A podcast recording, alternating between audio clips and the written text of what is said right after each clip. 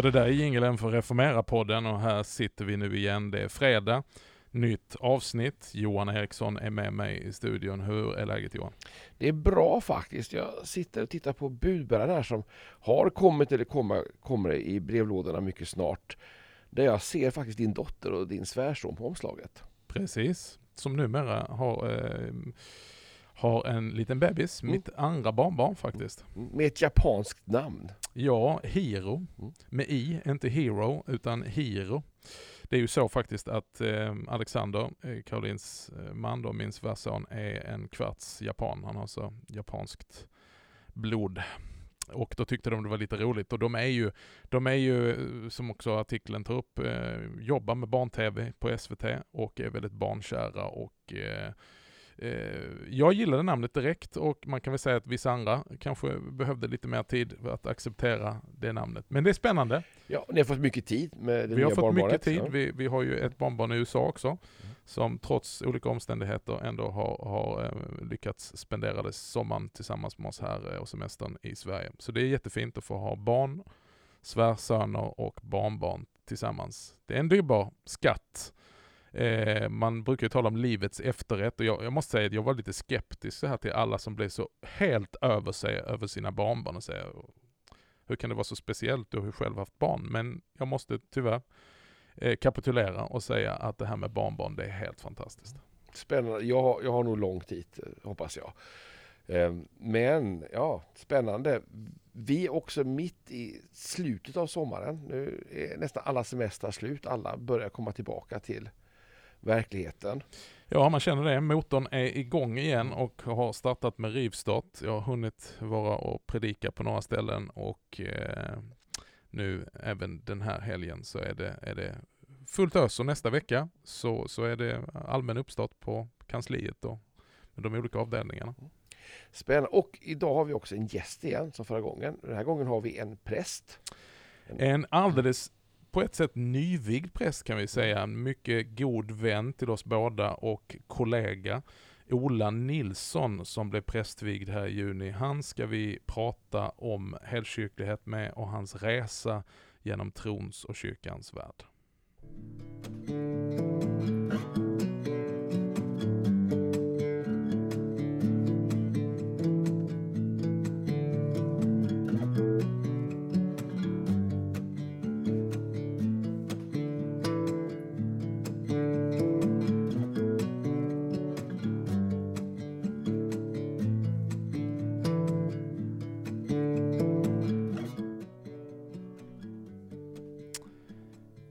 För ungefär fem, nej det är faktiskt sex år sedan, så hade jag ett telefonsamtal med en person som jag i det, vid det tillfället inte kände och som sa jag har aldrig hört någon tala om Luthers fem solar. Han hette Ola Nilsson och på den tiden så var han eh, initiativtagare till ett bokförlag som hette Reformedia. Vi har med honom i dagens avsnitt. Hej Ola! Välkommen! Hej Magnus! Och Johan. Kommer du ihåg vårt telefonsamtal? 2014 tror jag det var. Ja, precis. Jo, men det kommer jag väl ihåg. Vi, eh, jag vet inte om det var inför någon konferens nere på United eller något kanske, eller var det ännu tidigare? Ja, du, hade, du, hade, du hade lyssnat igenom, vi hade en predikoserie som var en del av den förändringsprocess eh, som mm. vi gjorde teologiskt, där vi hade undervisat om vad jag kallar för Luthers fem solar. Och du hade lyssnat på det och så hörde du av dig till mig och så reagerade Precis. just om det här uttrycket Luthers fem solar. Men jag stal dem också när jag översatte en, en, bok om, eh, om just Martin Luther och 500-årsjubileumet och så. Så då snodde jag det från dig i alla fall. Ja, just det. Äh, använde just det begreppet. Du Ola, du har ju ett jättespännande liv och en spännande resa som vi gärna skulle vilja ta del av. Ehm, du blir ju som sagt prästvigd i Växjö stift, i Växjö domkyrka här nu mitt under coronatiden i juni. Vi ska komma fram till det, men, men eh, du har haft en, en, en resa som på något sätt inkarnerar helkyrklighet. Med det menar jag att du har varit med i många olika sammanhang och kristna traditioner. Kan du inte berätta lite om din resa? Och vad du tar med dig från de här olika delarna? Absolut. Jag blev, kom ju till tro när jag, samma dag faktiskt som jag fyllde 15 år så bad jag min frälsningsbön så att säga. Mm. Idag skulle jag säga att det var min eh, vikt, eh, min omvändelse tillbaka till dopet. Eh, Men det var i en EFS-förening i Markaryd där jag också kommer bli präst nu här och vi flyttar dit i augusti. Ja, det, det är så häftigt. Det måste vi återkomma till sen i slutet. Ja, det får vi återkomma till. Ja, absolut. Eh, det här, jag, min barndom var lite trasslig. Min pappa dog när jag var ett år. Min mamma blev lite, hon blev psykiskt belastad. Hon var eh, bipolär, säger man idag. Mm. Eh, Så det var ganska besvärlig barndom. Men, och just där när jag var 14 så var det särskilt rörigt. Men där lärde jag känna också några ungdomar, kanske 25-årsåldern, 30-årsåldern, som precis hade kommit till tro. Eh, Och det var i, i liksom utkanterna av den här EFS-församlingen, Hagakyrkan. Då. Mm. Eh, Och det var en radikal omvändelse från mörker till ljus som Pelle Karlsson sjunger. Liksom. Mm. S- och då gick jag ju i nian. Sen så direkt efter där, efter nian så fick jag dispens och gick på Livets Ords bibelcenter i Uppsala. Gick bibelskola där när jag var bara 16 då. Wow, som 16-åring. Ja, som 16-åring. Ehm, så det var ju lite speciellt. Och det här var Eh, men- tidigt, det här var tidigt i Livets Ords historia eller? Ja, precis. 84-85, så det var andra året bibelskolan fanns. Ehm, men och på många sätt var det väldigt bra. Man fick en väldigt stark tilltro till Bibeln och Gudsordet och en kärlek till Jesus. Många var ju lutherska präster från början. Just det. Det var en väldigt stark försonings... Alltså synen på försoningen var ju väldigt central och så här. Och sen fanns det andra delar som, som eh, jag så också kritiken i mitt hjärta växte väl emot dels liksom den här framgångsteologin som trots allt fanns där, men också ledarskapsmodellen och så. Eh, Men det var mycket, väldigt mycket positivt för mig som ung att färgas av eh, tilltron till Bibeln, inte minst. Mm. Ehm, Sen kom du. Sen, ehm, ja. Nej, jag nu hoppar jag in här. Jag tänkte, du, du i kodet så jag tänker på att jag har läst en bok som du har skrivit. Om familjen. Och du kanske hoppar alldeles för långt fram här. Ja, mm, min, min alltså resan. Jag brukar säga att, att när jag blev frälst så var det liksom eh, Jag, jag var ganska övertygad om att man skulle vara helt nykterist och att man skulle rösta på KD. Alltså det fanns vissa saker som man fick med paketet liksom där på en gång som jag kanske sen har ut, omvärderat en del. Men, men jag har ju också varit kristdemokratisk politiker under eh, lång tid, men som jag nu har lämnat helt och hållet, för jag känner att jag vill gå in i prästkallet helt och Mm. hållet. Men om vi går tillbaka, eh, Ola, du, du, du, du landade i Uppsala, var, var det för att du, eh, hur, hur, hur eh, som nyfrälst 16-åring, hur landar man då i Livets Ord och, och, och går bibelskola? Vad var påverkan och vad var längtan? Nej, men det, det man kan säga var ju att det mötte ju ett ungdomligt behov, som man hade den liksom, musikstilen, stilen på möten, kontrasten sen att komma hem på en del helger till Hagakyrkan var ju väldigt, väldigt stor där det ju inte var någon lovsång. Det var inget, inga, ingen uppdatering i, no, i någon modern riktning just då. Och det betyder ju väldigt mycket för mig som ungdom att komma in i en fräsch eh, miljö som Mm. jag ändå upplever att det var liksom uttrycksmässigt så. Visst ledde detta på sikt att du var med och startade en församling sen också?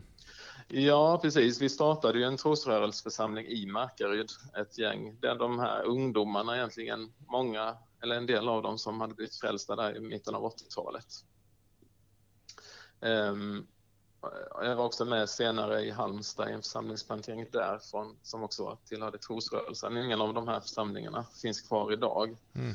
Det var väl, ehm, ja, det finns många anledningar till det. Det behöver inte gå in på nu. Mm. Men det, och sen så flyttade jag efter att jag hade varit med där i Halmstad, då flyttade jag upp till Uppsala och bodde där under en tio period, tioårsperiod fram till 2004.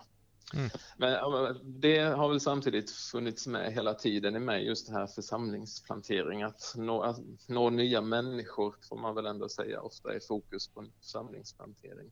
Ja. Jag var ju, jag var ju 17, 16, 17 och predikade och undervisade och jobbade också en hel del med söndagsskola och barn och unga så när vi bodde i Halmstad. Så det är väl många delar som jag känner eh, jag identifierar mig med som är viktiga för mig än idag. Vi ska fortsätta lyssna på Ola alldeles strax och eh, se vad som var med och ledde honom fram till prästvigning.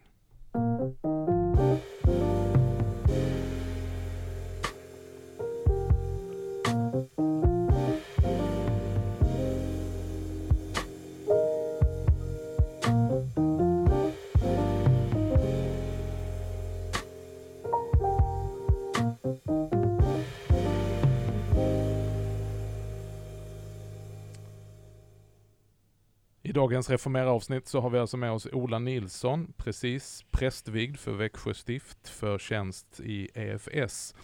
Ola har berättat om sin bakgrund eh, där han kom till tro och eh, hamnade i Livets Ord, och varit med och planterat församlingar. Om vi hoppar framåt lite i tiden, när jag fick kontakt med dig Ola, då var du inte längre Livets Ordare om man uttrycker sig så, utan då hade du tagit initiativet till ett, eh, vad ska vi kalla det för, reformärt bokförlag. Re, eh, eh nästan som Reformera-podden så var det Reformedia. Berätta lite om det. Ja, precis. Jag gjorde en resa där, jag tror att det började 2004. Vi flyttade från Uppsala ner till Jönköping, Bankeryd, där jag bor nu. Um, och där upplevde jag väl lite att, I mean, Gud måste vara större. Gud måste vara mm. något mer än att bara prata om helande och ekonomisk framgång här. Vi måste liksom komma till kärnan av, av tron och Gud måste vara större. Sen gick jag igenom en så här stor livskris när jag gick igenom en skilsmässa 2007 var det, men det började lite innan där. Mm. Eh, då hörde jag en lovsångsledare som är Jeff, heter Jeff Dayo, om man uttalar det så vet jag inte, men typ där han i ett mellansnack på en skiva pratar om en predikant som heter John Piper som säger att God is most glorified in us when we are most satisfied in him. Underbart citat. Och, ja, visst är det. Jag tyckte det lät så fantastiskt. Jag var liksom spolade den här CD-skivan fram och tillbaka för att höra vad hette människan som sa något så här bra liksom. Och sen började jag lyssna på John Piper, så det var väl min väg in i den reformerta teologin. Vad, berätta, vad, vad, var det som, eh, för du har berättat bakgrunden då, att det måste finnas någonting med, det gjorde du väldigt tydligt, Men vad fann du då i, i, i det här eh, eh, rikare traditionen av teologi som, som på ett sätt skiljer sig ganska mycket från det du hade fått med dig innan? Nej, men det var väl också när jag kom in i, min, i den här krisen i skilsmässan så, så fann jag, alltså för där faller ju mycket kanske av trosundervisningen, att man är utlovad lite förenklat guld och gröna skogar och, och så, medan man då får en undervisning här om att livet är också tufft, det är lidande, men mitt i allt det svåra så är ändå Gud i kontroll. Gud sitter inte på sin tron och är frustrerad för att hans vilja inte sker. Liksom. Ehm, så det var liksom, jag lyssnade på Joel Osteen och John Piper som kanske är liksom ytterligheterna. Men det visar väl min resa, liksom, var jag befann mig just då. Liksom. Och Joel Osteen är ju en väldigt bra peppare, så han kanske inte är så bra evangelieförkunnare skulle jag säga. Liksom. Och John Piper på andra sidan då talade om att, att lidandet kan också vara en del av Guds plan till exempel. Och i lidandet så är Gud med och bär. Liksom. Så i slutändan så var det väl det som tog mig igenom min kris och inte peptalket liksom.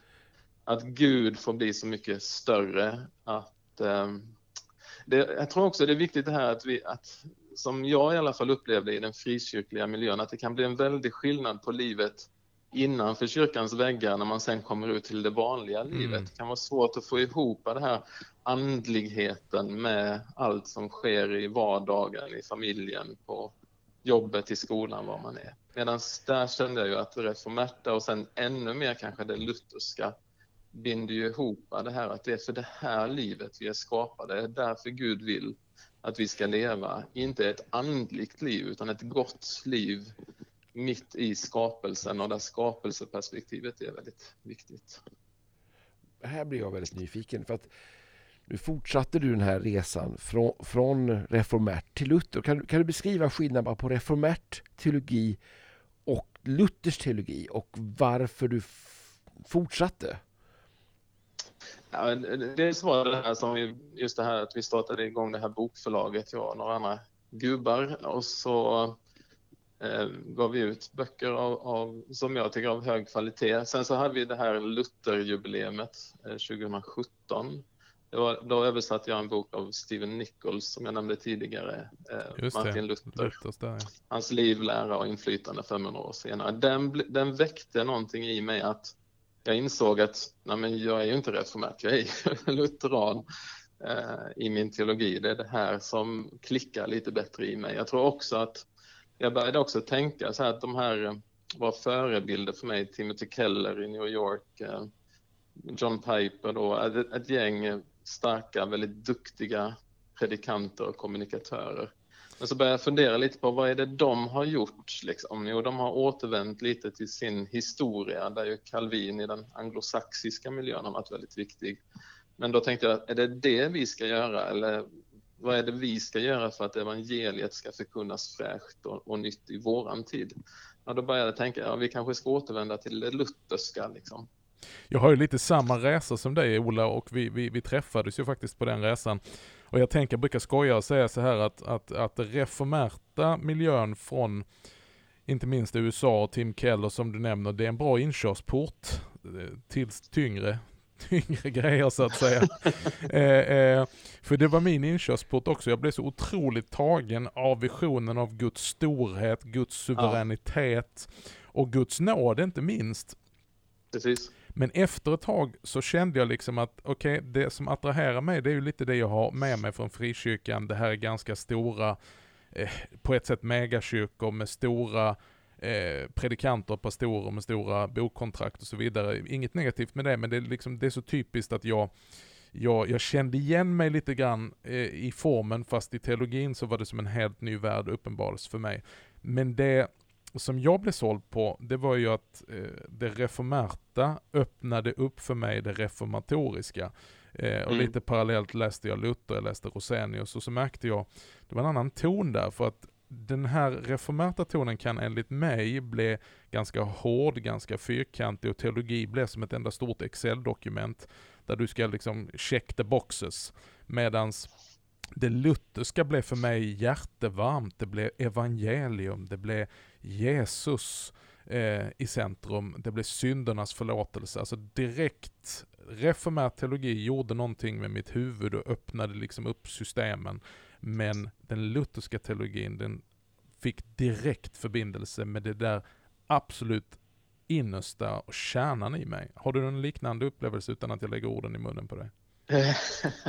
Nej men absolut, alltså, de, de, de har ju väldigt fokus på läran medan jag tänker att Luther lägger ju en annan fokus på livet. Han är ju inte systematiker och så utan det är ju vardagen, familjelivet, yrkeskallelsen, hur man är en god medborgare. Mm. Alla de här bitarna får ju en helt annan tyngd. Jag tror också det är centralt, alltså en väldigt stor skillnad är ju ändå synen på sakramenten, på dopet och nattvarden.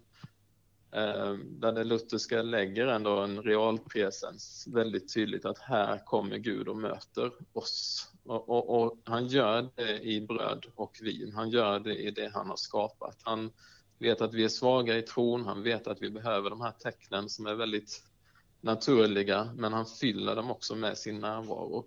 Och hela den teologin gör ju också att, att skapelsen, det vanliga livet, får en helt annan smak, en helt annan vikt eh, och gör oss också mer jordnära, tänker jag, i vår tro. Eh, mm.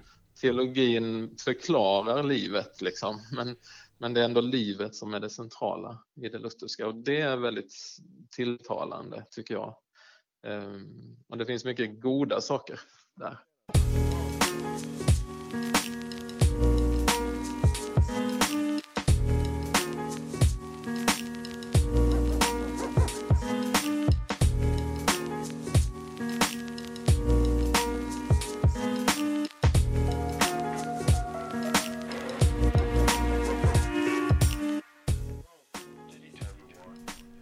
Jag minns när vi möttes på Lund. Jag fick en liten chock att du var på väg in i prästkallelse. Kan du inte berätta hur det gick till? Ja, eh, som jag sa tidigare så har jag ju varit i olika församlingsmiljöer, haft pastoralt ansvar eller hur man ska uttrycka det. Ehm, jag upplevde också att jag en, eh, har liksom burit det hela mitt liv att nej men, jag har den här kallelsen. Jag läste pastorsutbildningen på Korteboskolan som är Alliansmissionens gamla skola. Ehm, där det också formades utifrån en längtan men också formades ännu mer en kallelse in i det här. Sen gick jag igenom en skilsmässa 2007-2008 och då kände jag att det var läge att dra sig tillbaka lite ifrån det, ta en time-out, för det är också en, ja, var ett liv som pastorer och präster Eh, är viktigt hur vi lever våra liv. Så där drog jag mig undan lite. Men sen så, eh, och då var jag ju inom politiken, inom Kristdemokraterna, ordförande i socialnämnden i Jönköping. Jag har jobbat på riksdagskansliet för Kristdemokraterna under nio år och så. Men sen så kom det liksom till en, en brytpunkt 2018 där jag bara kände att nej, men nu är det dags att ta upp den här staven eller vad man ska säga. Och började plugga 2018 på Johannelund. Ehm, och sen gick det ganska fort där att jag upplevde att nej, men det är FS-präst jag ska bli. Jag fick också ett, ett tilltal om man säger så där jag faktiskt gick hemma i Markaryd så att säga på Markaryds marknad som är det stora eventet i Markaryd. Mm. En av de stora marknaderna i Småland, liksom, där det är tiotusentals människor. Ja. Och jag bara fick en nöd, liksom, hur Jesus ska vi nå alla dessa människor med evangeliet? Um, och då bara upplevde jag, nej men jag ska, det är Svenska kyrkans miljö som, som, som uh, är den lätt, liksom där tröskeln är lite lägre, där människor lätt kan relatera till den andligheten. Eh, där det blir lättare att bygga relationer och förkunna evangeliet för människor. Ja, fantastiskt. Berätta mer. Och, ja. men sen så gick det ganska, det har ju gått ganska fort. Jag har pluggat, eh, Eh, jag slutade som ordförande i socialnämnden vid årsskiftet 2018-2019 och sen har jag läst heltid 2019, våren 2020 här. Eh, och jag trodde att jag skulle fortsätta eh, plugga hela detta året ut och så prästvigning i januari. Men så kom det ett samtal från Magnus Lidholm, vår regionala missionsledare i sydöst. Han tyckte att de behövde hjälp i Markaryd för de stod utan pastor. Så vi började åka dit i, i augusti, tror jag det var, första gången och predikade.